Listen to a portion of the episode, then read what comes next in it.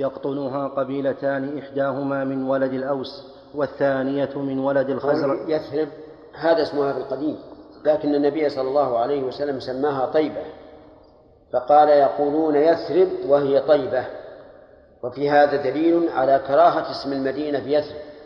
وإن كان هذا اسمها وإن كان هذا اسمها القديم لكن ما دام النبي صلى الله عليه وسلم أنكره وقال يقولون يثرب وهي طيبة فلا ينبغي التعبير به. إلا على سبيل حكاية من قال ذلك. فالحكاية كما يقولون حكاية الكفر ليست ليست كفرا. نعم. وهي مدينة بين مكة والشام يقطنها قبيلتان إحداهما من ولد الأوس والثانية من ولد الخزرج وهما أخوان وكان بين أولادهما من العداوة ما يجعل الحرب لا تضع أوزارها بين الفريقين. فكانوا دائما في شقاق ونزاع وكان يجاورهم في المدينة أقوام من اليهود وهم بنو قينقاع وبنو قريضة وبنو النضير وكان لهم الغلبة على يثرب أولا فحاربهم العرب حتى صاروا ذوي النفوذ فيها والقوة. وكان اليهود إذا خذلوا يستفتحون على أعدائهم باسم نبي يبعث قد قرب زمانه فلما اختلفت كلمة العرب فيما بينهم وشقت عصا الألفة حالفوا اليهود على أنفسهم فحالف الأوس بني قريظة وحالف الخزرج بني النضير وبني قينقاع وآخر الأيام بينهم يوم بعاث قتل فيه أكثر رؤسائهم ولم يبق إلا عبد الله بن أبي بن سلول من الخزرج وأبو عامر الراهب من الأوس. ولذلك كانت عائشة رضي الله عنها تقول كان يوم بعاث يوما قدمه الله لرسوله صلى الله عليه وسلم وقد خطر ببال رؤساء الأوس أن يحالفوا قريشا على الخزرج فأرسلوا إياس بن معاذ وأبا الحيسر أنس بن رافع مع جماعة يلتمسون ذلك الحلف في قريش فلما جاءوا مكة جاءهم رسول الله وقال هل لكم في خير مما جئتم له أن تؤمنوا بالله وحده ولا تشركوا به شيئا؟ وقد أرسلني الله إلى الناس كافة ثم تلا عليهم القرآن فقال إياس بن معاذ يا قوم هذا والله خير مما جئنا له. فحصبه أبو الحيسر وقال وقال له دعنا منك لقد جئنا لغير هذا فسكت. وسبب وجود اليهود في المدينة هو أنهم عرفوا أنه سيبعث نبي صفته كذا وكذا يأمرهم بالمعروف وينهاهم عن المنكر ويحل لهم الطيبات ويحرم عليهم الخبائث ويضع عنهم إصرهم والأغلال التي كانت عليهم وأنه سينتصر وتكون الدولة له. عرفوا هذا. فرحلوا من الشام إلى المدينة يلتمسون بعث هذا الرجل. فلما جاءهم وعرفوا كفروا به. لأنهم كانوا يؤملون أن يكون هذا الرجل من بني إسرائيل. وإن كانوا يعرفون أنه من العرب لكن يقول لعل ولعل. وكانت الحروب بينهم وبين العرب كما سمعتم ولكن جعل الله عز وجل قوله هو هو الأعلى. نعم. بدء إسلام الأنصار. ولما جاء الموسم تعرض رسول الله صلى الله عليه وسلم لنفر منهم يبلغون الستة. وكلهم من الخزرج وهم أسعد بن زرارة وعوف بن الحارث من بني النجار ورافع بن مالك من بني زريق وقطبة بن عامر من بني سلمة وعقبة بن عامر من بني حرام وجابر بن عبد الله من بني عبيد بن عدي ودعاهم إلى الإسلام وإلى معاونته في تبليغ رسالة ربه. فقال بعضهم لبعض إنه للنبي الذي كانت تعدكم به يهود فلا يسبقنكم إليه. فآمنوا به وصدقوه وقالوا إنا تركنا قومنا بينهم من العداوة ما بينهم فإن يجمعهم الله عليك فلا رجل أعز منك. ووعدوه المقابلة في الموسم المقبل. وهذا هو بدء الإسلام لعرب يثرب. العقبة الأولى فلما كان العام المقبل قدم اثنا عشر رجلا منهم عشرة من الخزرج واثنان من الأوس وهم أسعد بن زرارة وعوف ومعاذ بن الحارث ورافع بن مالك وذكوان بن قيس وعبادة بن الصامت ويزيد بن ثعلبة والعباس بن عبادة وعقبة بن عامر وقطبة بن عامر وهؤلاء من الخزرج وأبو الهيثم بن التيهان وعويم بن ساعدة وهما من الأوس. فاجتمعوا به عند العقبة وأسلموا وبايعوا رسول الله صلى الله عليه وسلم على بيعة النساء وذلك قبل أن تفترض الحرب على ألا يشركوا بالله شيئا ولا يسرقوا ولا يزنوا ولا يقتلوا أولادهم ولا يأتوا ببهتان يفترونه بين أيديهم وأرجلهم ولا يعصونه في معروف فإن وفوا فلهم الجنة وإن غشوا من ذلك شيئا فأمرهم إلى الله عز وجل إن شاء غفر وإن شاء عذب. وهذه هي العقبة الأولى.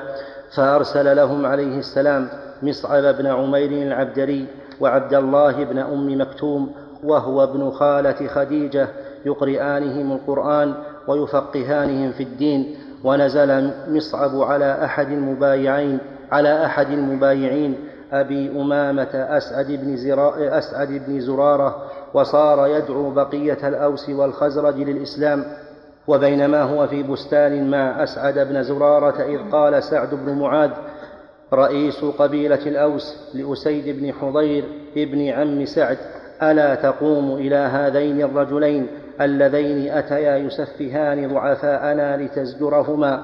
فقام لهما أسيد بحربته فلما رآه أسعد قال لمصعب هذا سيد قومه وقد جاءك فاصدق الله فيه. فلما وقف عليهما قال ما جاء بكما تسفهان ضعفاءنا اعتزلا إن كان لكما بأنفسكما حاجة. فقال مصعب أو تجلس فتسمع فإن رضيت أمرا قبلته وإن كرهته فكففنا عنك ما تكره. فقرأ عليه مصعب القرآن فاستحسن دين الإسلام وهداه الله له فتشهد ورجع إلى سعد فسأله عما فعل فقال والله ما رأيت بالرجلين بأسا فغضب سعد وقام وقام لهما متغيظا ففعل معه مصعب كسابقه فهداه الله للإسلام ورجع لرجال بني عبد الأشهل وهم بطن من الأوس فقال لهم ما, تعد ما تعدونني فيكم؟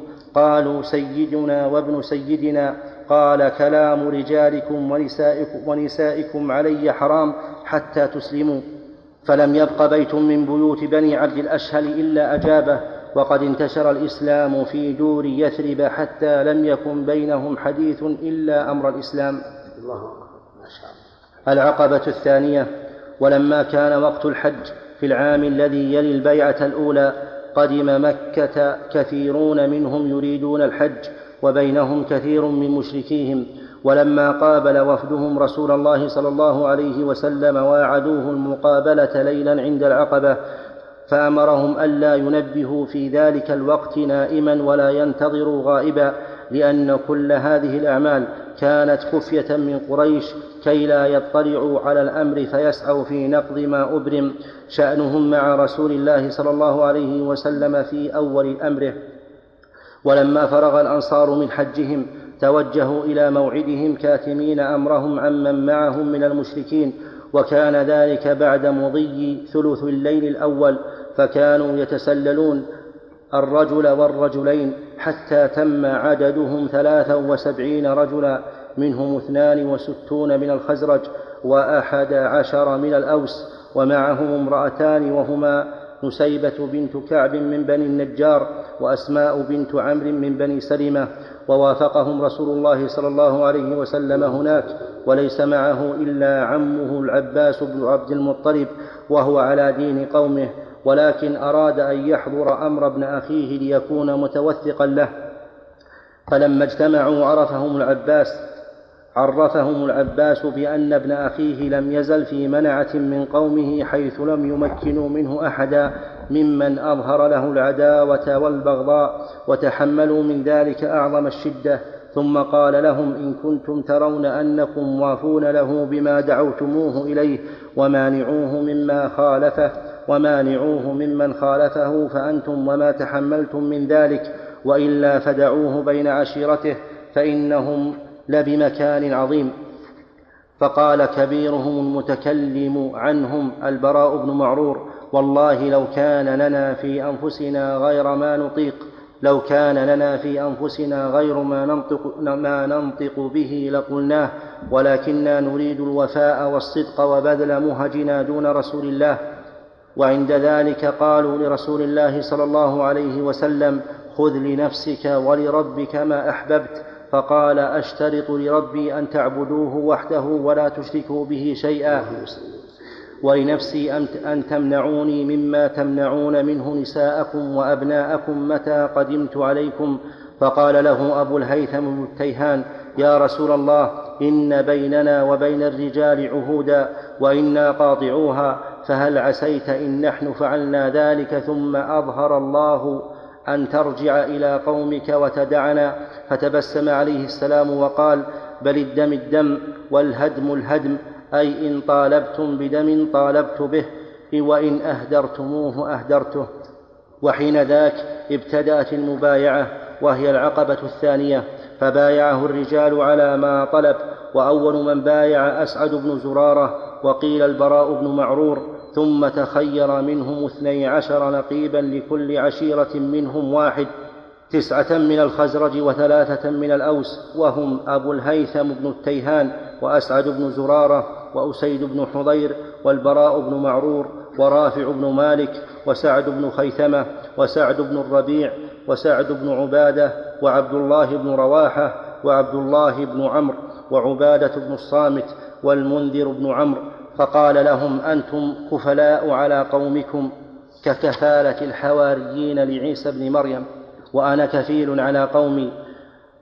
ولأمر ما أراده الله بلغ خبر هذه البيعة مشركي قريش فجاءوا ودخلوا شعب الأنصار وقالوا يا معشر الخزرج بلغنا أنكم جئتم لصاحبنا تخرجونه من أرضنا وتبايعونه على حربنا فأنكروا ذلك وصار بعض المشركين الذين لم يحضروا المبايعة يحلفون لهم أنهم لم يحصل منهم شيء في ليلتهم. وعبد الله بن أبي كبير الخزرج يقول ما كان قومي ليفتاتوا علي بشيء من ذلك. بسم الله الرحمن الرحيم. الحمد لله رب العالمين. صلى الله وسلم وبارك على عبده ورسوله نبينا محمد وعلى آله وأصحابه وأتباعه بإحسان إلى يوم الدين. قال الشيخ محمد الخضري رحمه الله تعالى في كتابه نور اليقين هجرة المسلمين إلى المدينة. ولما رجع الأنصار إلى المدينة ظهر بينهم الإسلام أكثر من المرة الأولى. أما رسول الله صلى الله عليه وسلم وأصحابه فازداد عليهم أذى المشركين لما سمعوا أنه حالف قوما عليهم فأمر عليه الصلاة والسلام جميع المسلمين بالهجرة إلى المدينة فصاروا يتسللون خيفة قريش خيفة قريش أن تمنعهم. وأول من خرج أبو سلمة المخزومي زوج أم سلمة ومعه زوجه وكان قومها منعوها منه ولكنهم أطلقوها بعد فلحقت به. وتتابع المهاجرون فرارا بدينهم ليتمكنوا من عبادة الله الذي امتزج حبه بلحمهم ودمهم حتى صاروا لا يعبؤون بمفارقة أوطانهم والابتعاد عن آبائهم وأبنائهم ما دام في ذلك رضا الله ورسوله. ولم يبق بمكة منهم إلا أبو بكر وعلي وصهيب وزيد بن حارثة وقليلون من المستضعفين الذين لم تمكنهم حالهم من الهجرة. وقد أراد أبو بكر الهجرة فقال له عليه الصلاة والسلام على رسلك فإني أرجو أن يؤذن لي. فقال أبو بكر وهل ترجو ذلك بأبي أنت؟ قال نعم. فحبس أبو بكر نفسه على رسول الله ليصحبه وعلف راحلتين كانتا عنده ورق السمر استعدادا لذلك. في هذا دليل على أن النبي صلى الله عليه وسلم يقدر صحبة أبي بكر رضي الله عنه. ويفضله على غيره. وفيها أيضا دليل على كمال عبودية النبي صلى الله عليه وعلى آله وسلم لله حيث أنه لم يهاجر حتى يؤذن له مع أنه أذن لأصحابه أن يهاجروا.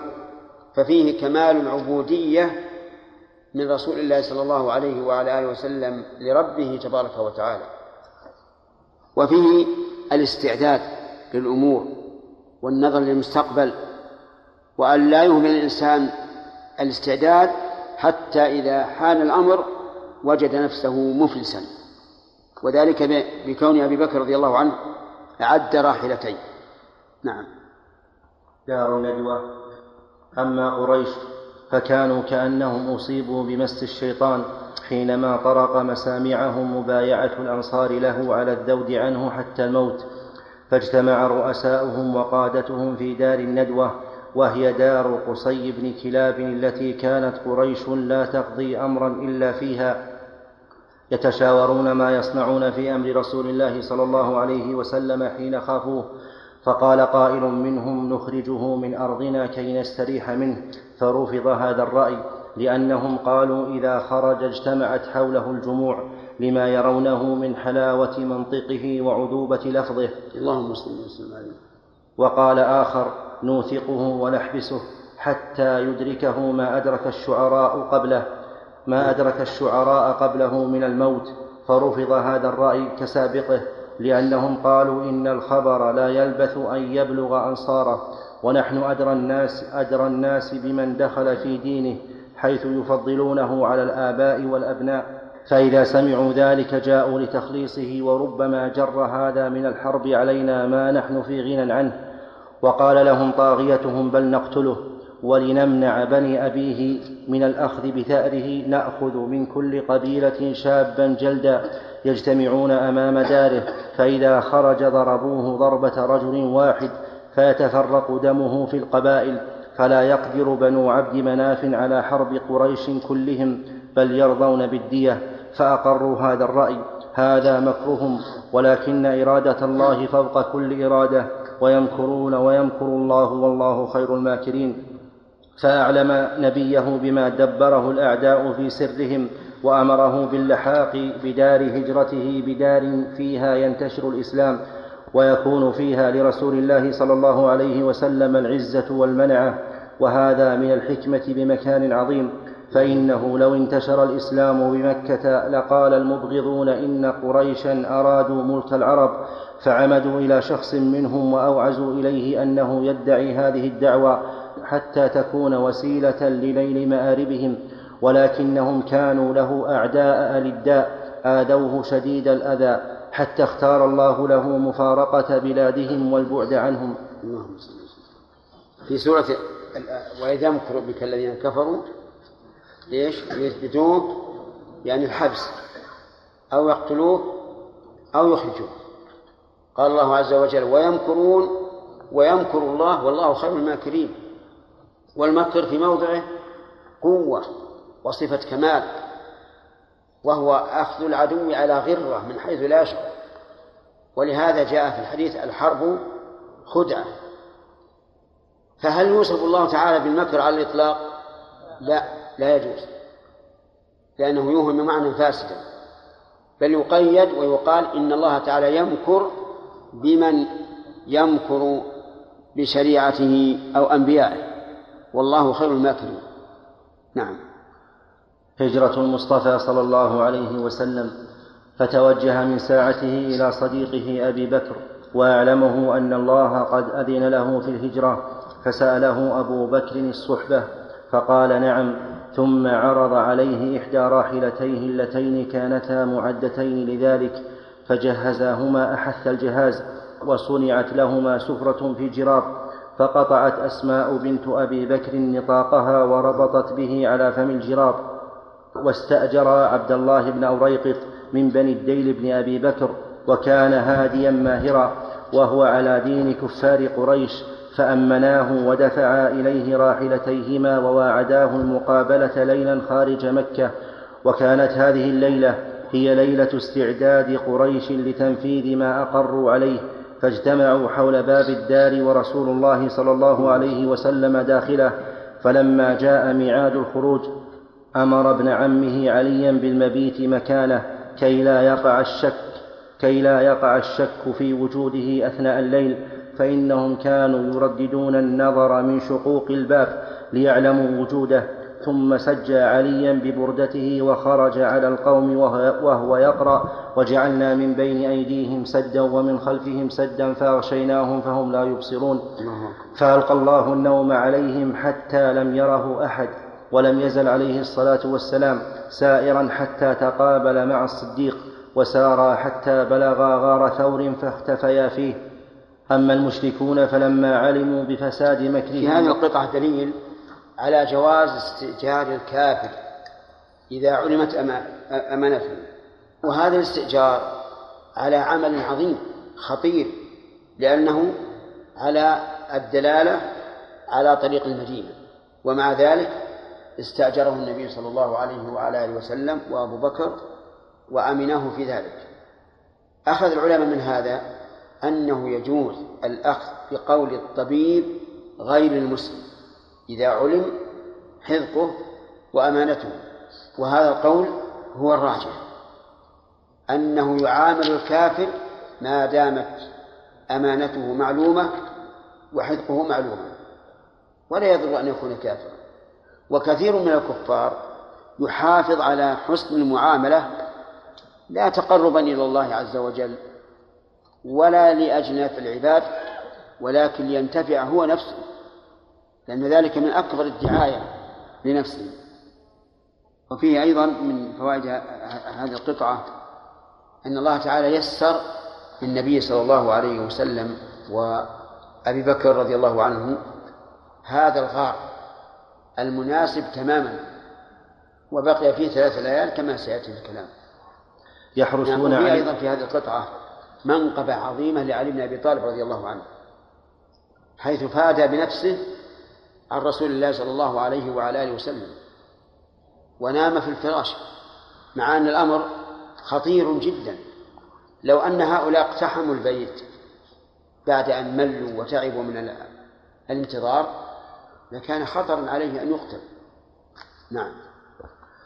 أما المشركون فلما علموا بفساد مكرهم وأنهم إنما باتوا يحرسون علي بن أبي طالب لا محمد بن عبد الله هاجت عواطفهم فأرسلوا الطلب من كل جهة وجعلوا الجوائز لمن يأتي بمحمد أو يدل عليه وقد وصلوا في طلبهم إلى ذلك الغار الذي فيه الذي فيه طلبتهم بحيث لو نظر أحدهم تحت قدميه لنظرهما حتى أبكى ذلك أبا بكر. فقال عليه الصلاة والسلام لا تحزن إن الله معنا. فأعمى الله أبصار المشركين حتى لم يحن لأحد منهم التفاتة, التفاتة إلى ذلك الغار بل صار أعدى الأعداء أمية بن خلف يبعد لهم اختفاء المطلوبين في مثل هذا الغار فأقاما فيه ثلاث, ثلاث ليال حتى ينقطع الطلب وكان يبيت عندهم عبد الله بن أبي بكر. في هذه القطعة كان أبو بكر رضي الله عنه يقول للرسول يا رسول الله لو نظر أحدهم إلى قدمه لأبصرني. مما يدل على أن قريشا كانوا واقفين على باب الغار ولكن الله تعالى أعمى أبصارهم. إما بكونهم ينظرون إلى بعيد أو لكونهم إذا نظروا إليها لا يبصرون كما في الآية السابقة. وما ذكر من أن العنكبوت عششت عليهم أو أن الحمامة وقعت على الغار أو على غصن شجرة على الغار فهذا كله كذب. لأن الاختفاء بمثل ذلك لا يعد من الآيات. كل إنسان تعش عليه العنكبوت يحصل منه الاختفاء لكن هذا من مما ينقل في التاريخ وليس بصواب. قال له النبي صلى الله عليه وعلى اله وسلم ما ظنك يا أبا بكر؟ باثنين الله ثالثهما. لا تحزن إن الله معنا. وهذا يشبه من بعض الوجوه. قول موسى عليه الصلاة والسلام حين وصل بقومه إلى البحر وكان فرعون وقومه خلفه قالوا لموسى عليه الصلاة والسلام إنا لمدركون البحر أمامنا وليس معنا سفن. ولا نستطيع عبوره والعدو خلفنا فقال عليه الصلاة والسلام قول الموقن قال كلا يعني لسنا بمدركين إن معي ربي سيهدي واثقا بالله عز وجل. فأمره الله عز وجل أن يضرب بعصاه البحر. هذا البحر الخضم العميق يضرب بعصا ثم ينقسم ويتفرق اثني عشر طريقا. كل فرق كالطود العظيم يعني كالجبل العظيم ممتد من الساحل الإفريقي إلى الساحل الآسيوي ثم مع ذلك لم يلبث أن صارت هذه الطرق يابسة في الحال مع أن لها سنين الله أعلم بها مغرقة بالماء. هذا من آيات الله. قال أهل العلم ما من آية صارت لنبي إلا كان لرسول الله صلى الله عليه وعلى آله وسلم أو لأتباعه مثلها. وأتوا على هذا بالشواهد. قالوا مسألة البحر خلقه لموسى. حصل لأتباع الرسول ما هو أشد. وذلك حين مشوا على ظهر الماء بخيلهم وأبلهم ورجلهم. وهذا أعظم. وقعت هذه القصة للعلاء بن الحضرمي رضي الله عنه ووقعت أيضا لسعد بن أبي وقاص. تفجر الماء من الحجر فإذا ضربه موسى بعصاه. حصل من الرسول عليه الصلاة والسلام أن تفجر الماء من الإناء. وضع يده في الماء في ركوة فجعل الماء يفور كالعيون مع أن بينه وبين الأرض فاصل والحجر يضربه يضربه بعصاه متصل بالأرض ومن جنس الأرض. وذكروا إحياء الموتى أن هذا حصل للتابعين أن الله يحيي لهم الموتى. حتى أنهم ذكروا أن بعضهم في الجهاد إذا مات فرسه أحياه الله له حتى يصل إلى إلى بلده. نعم. وكان يبيت عندهم عبد الله بن أبي بكر وهو شاب ثقف ولق فيدرج من عندهما بسحر فيصبح مع قريش بمكة كبائت بها فلا يسمع أمرا يتكادان به إلا وعاه حتى يأتيهما بخبر ذلك حين يختلط الظلام. وكان عامر بن فهيرة يروح عليهما هذا من جنس آه، المباحث لكنه باحث لخير يسمع ما يقول قريش بشأن النبي صلى الله عليه وعلى آله وسلم ثم يأتي به إلى النبي صلى الله عليه وعلى آله وسلم وأبيه لأنه شاب ثقف لقب يحفظ ويؤدي. بسم الله الرحمن الرحيم. إن الحمد لله نحمده ونستعينه ونستغفره ونعوذ بالله من شرور أنفسنا ومن سيئات أعمالنا. من يهده الله فلا مضل له ومن يضلل فلا هادي فلا هادي له. وبعد فإن هذا بحث مختصر عن الإسراء والمعراج ويشتمل على أمور. الأول الأحاديث الواردة في هذا البحث وبحثها سندا ومتنا. الثاني الإشكالات الواقعة في أحاديث الإسراء والمعراج. ونقل كلام أهل العلم فيها. ثالث الفوائد والحكم المأخوذة من قصة الإسراء والمعراج. والله نسأل أن يرزقنا العلم النافع والعمل الصالح وأن يوفق شيخنا الوالد محمد بن صالح العثيمين لما يحب ويرضى الذي أتاح لنا هذا البحث في هذا البحث في هذا الموضوع والآن إلى الشروع في المقصود. أولا الأحاديث التي وقع فيها إشكالات في الإسراء والمعراج. ثانيا ذكر الخلاف في سبب تسمية البراق براقا. ثالثا في صفة البراق. رابعا هل البراق ذكر أم أنثى؟ خامس لماذا نفر البراق لما أراد النبي صلى الله عليه وسلم ركوبه؟ السادس هل ركب جب هل ركب جبريل البراق مع النبي صلى الله عليه وسلم؟ السابع هل ربط البراق؟ الثامن هل, هل صلى الرسول صلى الله عليه وسلم في بيت المقدس؟ وهل صلى بالأنبياء قبل المعراج أم بعده؟ وكيف صلى الأنبياء وهم أموات؟ وما كيفية الصلاة التي صلاها الرسول صلى الله عليه وسلم وهل رؤيته للأنبياء وجمعهم حقيقة وبأجسامهم؟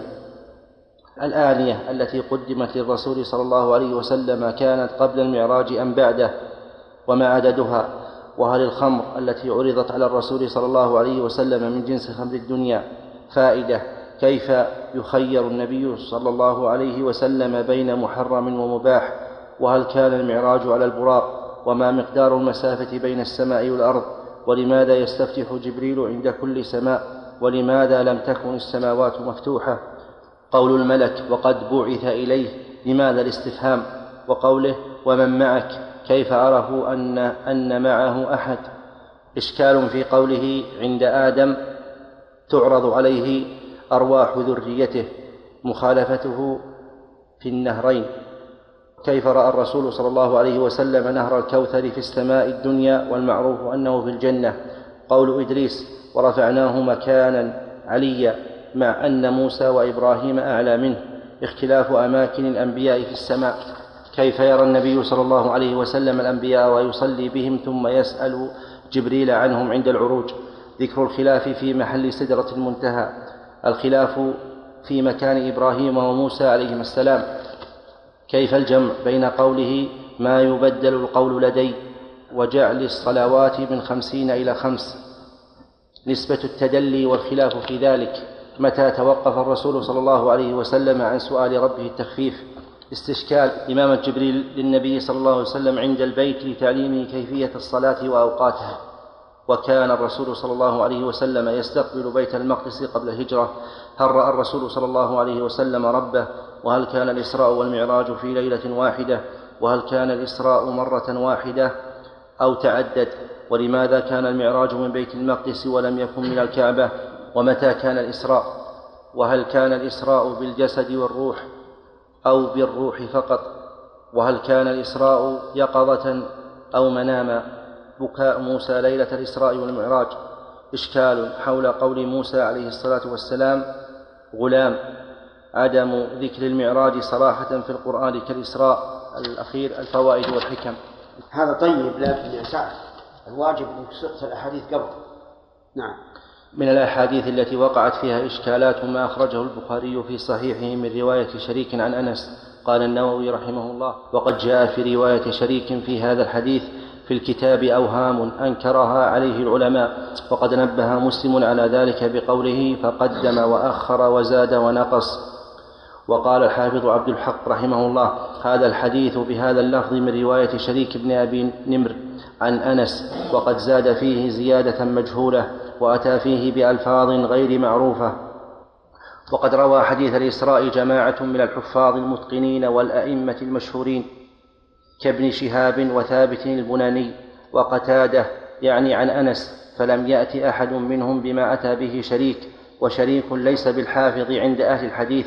وقال الخطابي ليس في هذا الكتاب يعني صحيح البخاري حديث أشنع ظاهرا ولا أشنع مذاقا من هذا الفصل فإنه يقتضي تحديد المسافة بين أحد المذكورين وبين الآخر وتمييز مكان كل واحد منهما هذا إلى ما في التدلي من التشبيه والتمثيل له بالشيء الذي تعلق من فوق إلى أسفل.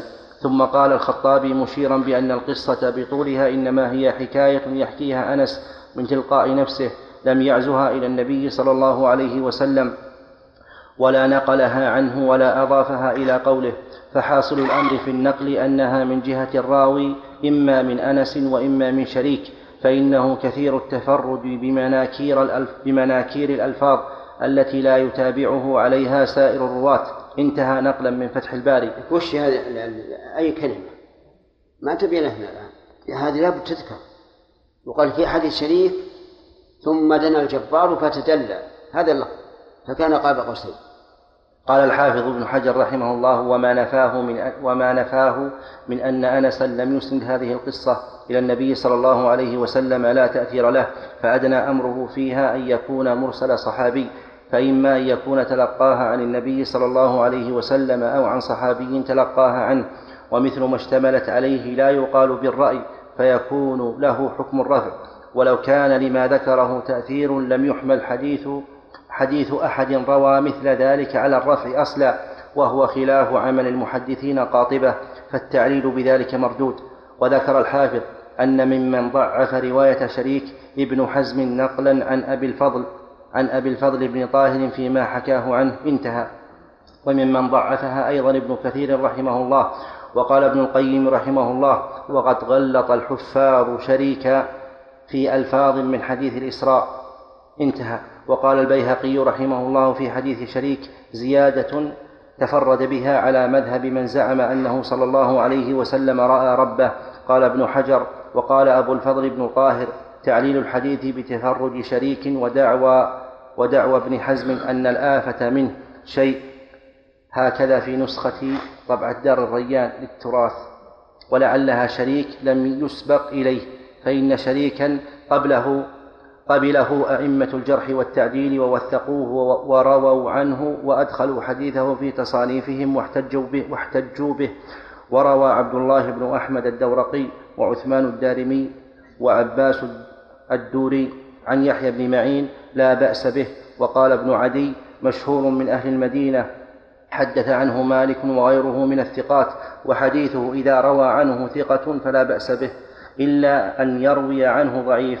قال ابن القاهر وحديثه هذا رواه عنه ثقة وهو سليمان بن بلال.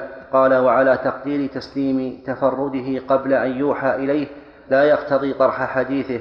فوهم الثقة في موضع من الحديث لا يسقط جميع الحديث ولا سيما إذا كان الوهم لا يستلزم ارتكاب محذور. ولو ترك حديث من وهم في تاريخ لترك حديث جماعة من أئمة المسلمين ولعله أراد أن يقول بعد أن أوحي إليه فقال قبل أن يوحى إليه انتهى. وقال ابن حجر وقال عنه النسائي وأبو محمد بن الجارود ليس بالقوي وكان يحيى بن سعيد القطان لا يحدث عنه.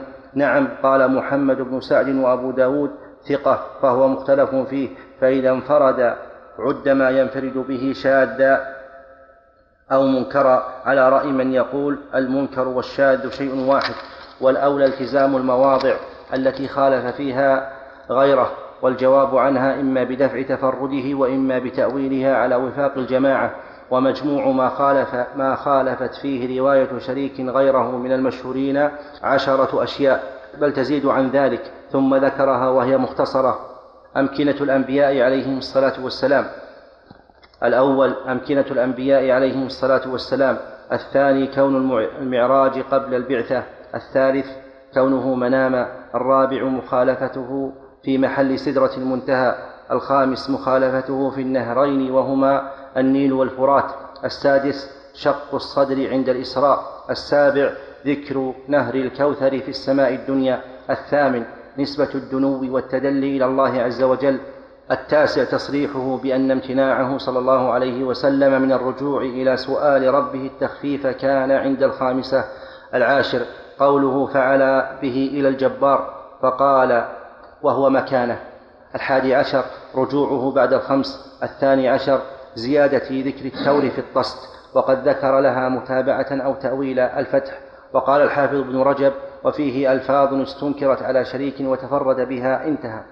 وبعد هذا البحث المختصر على رواية شريك فإن من أهل العلم من يرى تضعيف رواية شريك وتقديم رواية الأئمة الحفاظ على روايته لضعف تفرده وأن المتابعات التي ذكرها ابن حجر ذكرها ابن حجر وغيره لا تقاوم رواية الحفاظ الأثبات ولا سيما وأن القصة حدثت في ليلة واحدة. ومن أهل العلم من قال إنما خالف فيه شريك غيره من الحفاظ ينظر إلى الأرجح فيؤخذ به وبقية زياداته يؤخذ بها بدون ترجيح. وذلك أن العلماء لم يردوا لم يردوا رواية شريك مطلقا بل استنكروا بعض ألفاظها وهذه الألفاظ المنكرة التي جاء بها لم يقع بها وحده. بل وقعت من غيره كما عند مسلم من رواية ابن شهاب عن أنس بن مالك عن أبي ذر في أمكنة الأنبياء عليهم الصلاة والسلام. حديث أم هانئ بنت أبي طالب رضي الله عنها أنها كانت تقول ما أسري برسول الله صلى الله عليه وسلم إلا وهو في بيتي نائم عندي تلك الليلة فصلى العشاء الآخرة ثم نام. ونمنا الحديث. ذكره ابن جرير في تفسيره من طريق محمد بن إسحاق وكذلك ابن كثير. وقال الكلبي متروك بمرة ساقط وخرج الطبراني بإسناده عن أم هانئ قالت بات رسول الله صلى الله عليه وسلم ليلة أسري بي في بيتي ففقدته من الليل الحديث بطوله ولم يتكلم عليه. وعزى ابن كثير حديث أم هانئ الأول إلى أبي يعلى وأنه بأبسط من هذا ولم أجده في مسند أبي يعلى وكذلك قال المحقق لتفسير ابن كثير وقال قد رواه أبو يعلى في معجم شيوخه برقم عشرة وذكر الإسناد وفيه أنها قالت دخل علي رسول الله صلى الله عليه وسلم بغلس فجلس وأنا على فراشي فقال شعرت أني بت الليلة في المسجد الحرام. وأخرج النسائي عن أنس بن مالك رضي الله عنه حديثا ذكر في أوله الصلاة بطيبة وبطور سيناء وببيت لحم قال ابن كثير رحمه الله فيه فيها, فيها غرابة ونكارة جدا.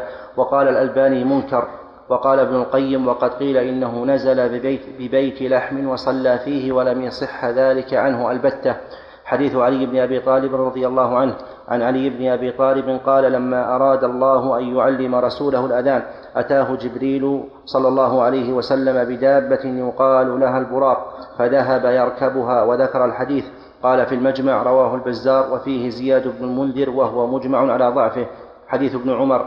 عن ابن عمر أن النبي صلى الله عليه وسلم لما أسري به إلى السماء أوحى الله إليه بالأذان فنزل به فعلمه جبريل. قال في المجمع رواه الطبراني في الأوسط وفيه طلحة بن زيد ونسب إلى الوضع. وروى أحاديث الإسراء جمع من الصحابة رضي الله عنهم. منهم أبو الحمراء خادم النبي صلى الله عليه وسلم قال في المجمع رواه الطبراني وفيه عمرو بن ثابت وهو متروك وأبو أمامة رواه الطبراني في الكبير. قال في المجمع رجاله رجال الصحيح وأيضا رواه صهيب بن سنان.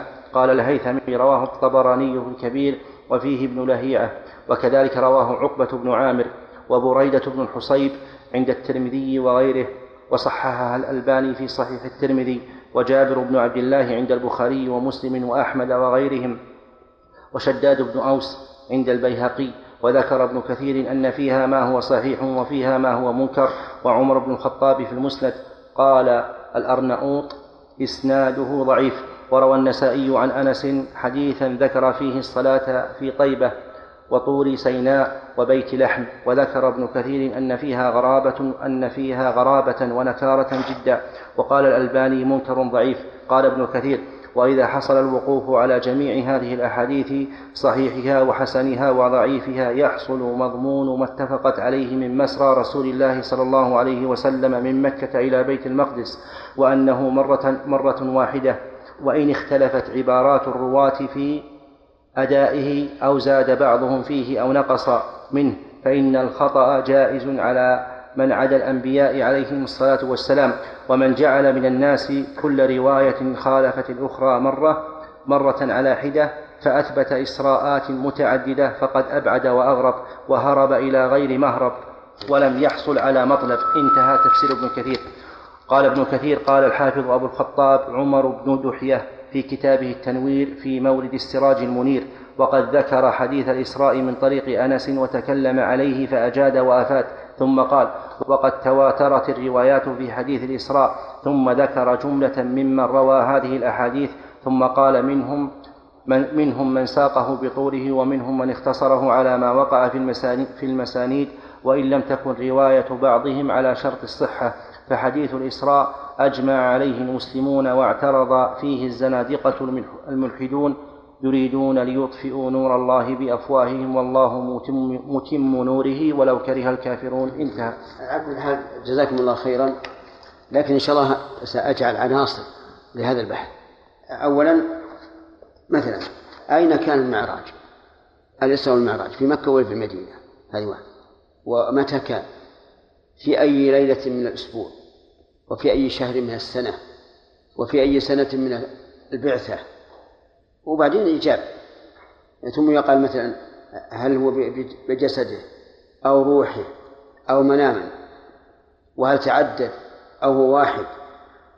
ويجاب عن كل فقرة بما في الأحاديث. عشان إذا قرأ القارئ أولا يتفتح له ثم تأتي الأدلة. هذا إذا رأيتم هذا وإذا رأيتم أنه يبقى البحث على ما هو عليه. بسم الله الرحمن الرحيم. الحمد لله رب العالمين. صلى الله وسلم وبارك على عبده ورسوله نبينا محمد وعلى آله وأصحابه أجمعين. قال الشيخ محمد الخضري رحمه الله تعالى في كتابه نور اليقين كان عامر بن فهيرة يروح عليهما بقطعة من غنم يرعاها حين تذهب تذهب ساعة من العشاء ويغدو بها عليهما فإذا خرج من عندهما عبد الله تبع أثره عامر بالغنم كي لا يظهر لقدميه أثر ولما انقطع الطلب خرجا بعد أن جاءهما الدليل بالراحلتين صبح ثلاث وسارا متبعين طريق الساحل. وفي الطريق لحقهم طالبا سراقة بن مالك المدرجي. وكان قد رأى رسل مشركي قريش يجعلون في رسول الله صلى الله عليه وسلم وأبي بكر دية كل واحد منهما لمن قتله أو أسره. فبينما هو في مجلس من مجالس قومه بني مدرج إذ أقبل رجل منهم حتى قام عليهم وهم جلوس فقال يا سراقة إني رأيت آنفا أسودة بالساحل أراها محمدا وأصحابه فعرف سراقة أنهم هم ولكنه أراد أن يثني عزم مخبره عن طلبهم فقال إنك رأيت فلانا وفلانا انطلقوا بأعيننا يبتغون ضالة لهم ثم لبث في المجلس ساعة وقام وركب فرسه ثم سار حتى دنا من الرسول حتى دنا من الرسول ومن معه فعثرت به فرسه فخر عنها ثم ركبها ثانيا وسار حتى صار يسمع قراءة المصطفى وهو لا يلتفت وأبو بكر يكثر الالتفات فساخت, قد فساخت قائمة فرس, فرس, فرس سراقة في الأرض حتى بلغت الركبتين فخر عنها ثم زجرها حتى نهضت فلم تكد تخرج يديها حتى سطع لأثرهما غبار ساطع في السماء مثل الدخان فعلم سراقة أن عمله ضائع سدى وداخله رعب عظيم فناداهما بالأمان. فوقف عليه الصلاة والسلام ومن معه حتى جاءهم. حماية الله عز وجل لعبده لا يمكن أن يتجاوزها أحد. وهذا معنى قول النبي صلى الله عليه وعلى آله وسلم واعلم أن الأمة لو اجتمعوا على أن يضروك بشيء لم يضروك إلا بشيء قد كتبه الله عليك. فهذا الرجل الفارس القوي لحقهما. حتى كان يسمع قراءة النبي صلى الله عليه وعلى آله وسلم. ولكن ساخت قدم فرسه في الأرض إلى الركبة مع أن الأرض صلبة وليس فيه مطر وليست رخوة لكن ساخت بأمر من يقول لشيء كن فيكون سبحانه وتعالى. وعرف سراقة أنه لا طاقة له بذلك. وفي هذه القصة دليل على أن المسافر ينبغي له أن يستغل السفر. بقراءة القرآن أو سماع الأشرطة المفيدة أو التسبيح والتكبير والتهليل. المهم أن يستغل الوقت لأن الاشتغال بهذا أيضا مما يخفف وطأة السفر على الإنسان. لا سيما في الزمن الأول لما كان المسير على الرواحل الإبل. وحتى يومنا الآن الإنسان إذا إذا إذا مشى في السيارة يمل. فإما أن ينام وإما أن يقرأ وإما أن يذكر الله وإما أن يكون مستمعا إلى ما ينفعه. فهذه من آيات الله عز وجل. أن حمى الله نبيه صلى الله عليه وسلم من هذا الرجل الذي لحقهما. وما أعظم آيات الله في أولياء الله. فهذا موسى وقومه وقفوا على البحر الأحمر ووراءهم فرعون وقومه ولما قالوا له إنا لمدركون قال كلا إن معي ربي سيهدين فأمره الله أن يضرب البحر بعصاه عصا من شجرة ضربه وانفلق اثني عشر طريقا. اسمعوا يا أخوان اثني عشر طريقا يبسا يابس. والماء بين هذه الطرق كالجبال. كان كل فرق كالطود العظيم. سبحان الله. حتى قال بعضهم إنه لما خاف بنو إسرائيل أن يهلك بعضهم جعل الله تعالى في هذه الأطوال جعل فيها فرجا بحيث ينظر بعضهم إلى إلى بعض. وهذا إن صح فليس على الله بعزيز. ورسول الله صلى الله عليه وعلى آله وسلم في الغار لو أن أعداءه نظروا إلى أقدامهم لأبصروا أبصروه. ولكنه كان يقول لصاحبه لا تحزن إن الله معنا. وهذه القصة أيضا قصة سراقة عجيبة. سبحان الله العظيم. اللهم احمنا واحم دينك بنا يا رب العالمين. نعم. ويقول سراقة وقع في نفسي حين لقيت ما لقيت أن سيظهر أمر رسول الله فقلت إن قومك قد جعلوا فيك الدية وأخبرهم بما يريد, بما يريد بهم الناس وعرض عليهم الزاد والمتاع فلم يأخذوا منه شيئا بل قال له أخف عنا. فسأله سراقة أن يكتب له كتاب أمن فأمر أبا بكر فكتب. رجل لحقهما ليدركهما فيقتلهما أو يأسرهما إلى قريش. وفي النهاية يعرض عليهم الزاد والمزاد. يقول ماذا تريدون؟ الله أكبر. آية من آيات الله. إذا تأمل الإنسان آيات الله عز وجل ازداد إيمانا وازداد يقينا وازداد خشية لله عز وجل وتوكلا عليه واعتمادا عليه عز وجل. لو ذكر المؤلف في النهاية اللي كان بيأتينا. صار سراقة لما انصرف صار يقول للناس إني قد كفيتكم هذا الوجه فليس فيه مطلوب. يدافع عنهم. وبذلك انقضت هذه المشكلة التي أظهر الله فيها مزيد عنايته برسوله وكان أهل المدينة حينما سمعوا بخروج رسول الله صلى الله عليه وسلم وقدومه عليهم يخرجون إلى الحرة حتى حتى يردهم حر الظهيرة فانقلبوا يوما بعد أن أطالوا بعد أن أطالوا انتظارهم فلما أووا إلى بيوتهم أو أوفى رجل من يهود على أطم من آطامهم لأمر ينظر إليه فبصر برسول الله صلى الله عليه وسلم وأصحابه يزول بهم السراب يظهرهم تارة ويخفيهم أخرى. فقال اليهودي بأعلى صوته يا معشر العرب هذا جدكم أي حظكم الذي تنتظرون؟ فثاروا إلى السلاح فتلقوا رسول الله بظهر الحرة. النزول بقباء. فعدل بهم ذات اليمين حتى نزل بهم في بني عمرو بن عوف بقباء والذي حققه المرحوم محمود باشا الفلكي أن ذلك كان في اليوم الثاني من ربيع الأول الذي يوافق العشرين من سبتمبر سنة اثنين وعشرين وستمائة وهذا أول تاريخ جديد لظهور الإسلام بعد أن مضى عليهم ثلاث, ثلاث, ثلاث عشرة سنة وهو, وهو مضيق عليهم من مشرك قريش ورسول الله صلى الله عليه وسلم ممنوع من الجهر بعبادة ربه. أما الآن فقد آواه الله هو وصحابته وصحابته رضوان, رضوان الله عليهم بعد أن كانوا قليلا يتخطفهم الناس. هجرة الأنبياء. وبهذه الهجرة تمت لرسول لرسولنا سنة إخوانه من الأنبياء من قبله فما من نبي منهم إلا نبت به بلاد نشأته فهاجر عنها من إبراهيم أبي الأنبياء وخليل الله إلى عيسى كلمة الله وروحه كلهم على عظيم درجاتهم ورفعة مقامهم أهينوا من عشائرهم. فصبروا ليكونوا مثالا لمن يأتي بعدهم من من متبعيهم في الثبات والصبر على المكاره. ما دام ذلك في طاعة الله فسل مصر وتأريخها. تنبئك عن إسرائيل يعقوب وبنيه أنهم هاجروا إليها حينما رأوا من بنيها ترحيبا ترحيبا بهم وتركهم وما يعبدون إكراما ليوسف وحكمته.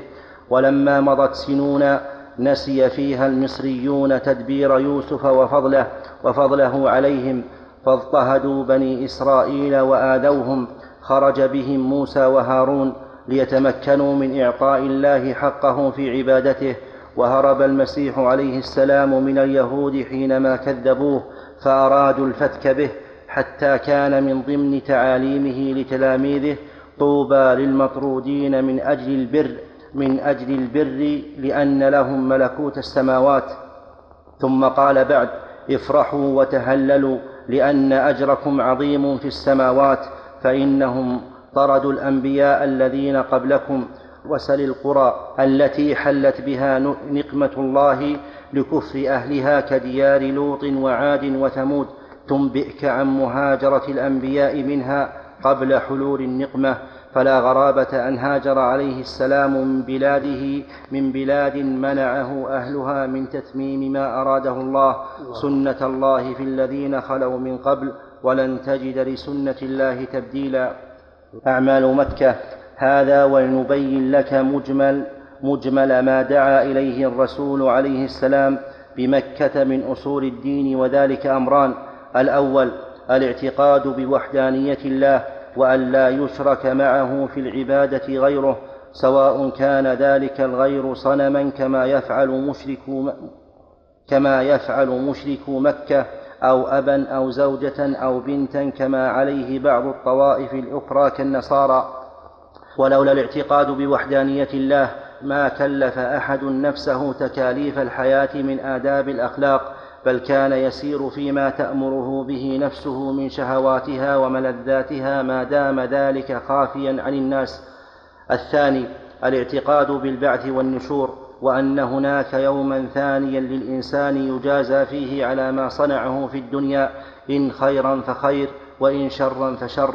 وعلى هذين الأمرين جاء غالب الآي المكية فقلما نرى سورة من سور مكة إلا مشحونة بالاستدلال عليهما وتوبيخ من تركهما وكل ذلك بأساليب تأخذ بالعقل وبراهين لا تحتاج لفلسفة الذين يشغلون أنفسهم بما لا طائل تحته مما يضيع الوقت سدى.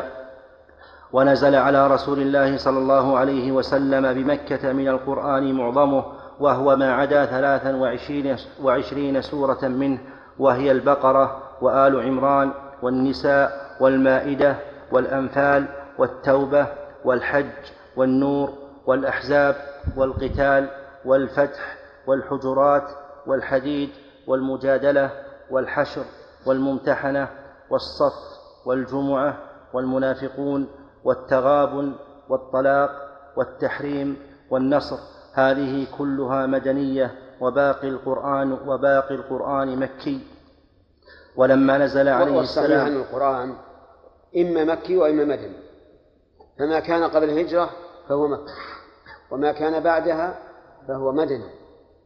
وليس هناك سورة فيها مكي ومدني. وما يذكر في بعض المصاحف هي مكية إلا سورة كذا وكذا أو مدنية إلا سورة كذا وكذا فغير صحيح. بل يقال السور المكية كلها مكية بدون استثناء. والسور المدنية كلها مدنية بدون استثناء. إلا إذا قام دليل صحيح صريح فحينئذ يجب الأخذ به لكنه لم يقم. على أن بعض الآيات مدنية في في سور مكية أو بالعكس. ولما نزل عليه السلام بقباء نزل على شيخ بني عمرو وكلثوم بني الهدم. وكان يجلس للناس ويتحدث لهم في بيت سعد بن خيثمة لأنه كان عزبا ونزل أبو بكر بالسنح محلة بالمدينة على خارجة ابن زيد من بني الحارث من الخزرج. مسجد قباء وأقام رسول الله صلى الله عليه وسلم بقباء ليالي أسس فيها مسجد قباء الذي وصفه الله بأنه مسجد أسس على التقوى من أول يوم وصلى فيه عليه الصلاة والسلام بمن معه من الأنصار والمهاجرين وهم آمنون مطمئنون. وكانت المساجد على عهد رسول الله في غاية من البساطة. ليس فيها شيء مما اعتاده مما اعتاده بناة المساجد في القرون الأخيرة لأن الرسول وأصحابه لم يكن جل همهم إلا منصرفا لتزيين القلوب وتنظيفها من حظ الشيطان. فكان سور المسجد لا يتجاوز القامة وفوقه مظلة يتقى بها حر الشمس. قوله تعالى لمسجد أسس على التقوى من أول يوم أحق أن تقوم أن تقوم فيه. بعض العلماء يقول المراد بذلك المسجد النبوي وبعضهم يقول مسجد قباء. والصحيح أن الآية شاملة لهما جميعا لأن النبي صلى الله عليه وعلى آله وسلم نزل قباء نحو خمس عشرة ليلة وأسس المسجد. ولما وصل المدينة أول ما, ما أول مشروع فعله أن أسس المسجد النبوي فكان مؤسسا من أول يوم. ومعلوم أنه إذا كان مسجد قباء قد أسس على التقوى فالمسجد النبوي من باب أولى وهو داخل في لفظ الآية. هذا هو الصواب. فيكون الأولوية هنا الأولية هنا نسبية. نعم. الوصول إلى المدينة ثم تحول عليه الصلاة والسلام إلى المدينة. الأنصار محيطون به متقلدي سيوفهم وهنا حدث ولا حرج عن سرور أهل المدينة فكان يوم تحوله إليهم يوما سعيدا. لم يروا فرحين بشيء فرحهم برسول الله صلى الله عليه وسلم وخرج النساء والصبيان. قال أنس لما قدم النبي صلى الله عليه وسلم أضاء منها كل شيء ولما مات أظلم منها كل شيء منها كل شيء. والمراد الإضاءة المعنوية والظلمة المعنوية. وهذا صحيح.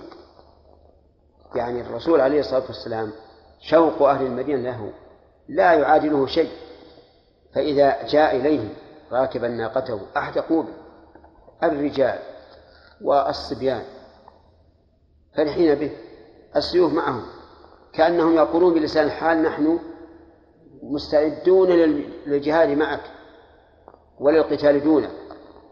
اللهم ارض عنهم اللهم اجعلنا معهم في جنات النعيم. نعم.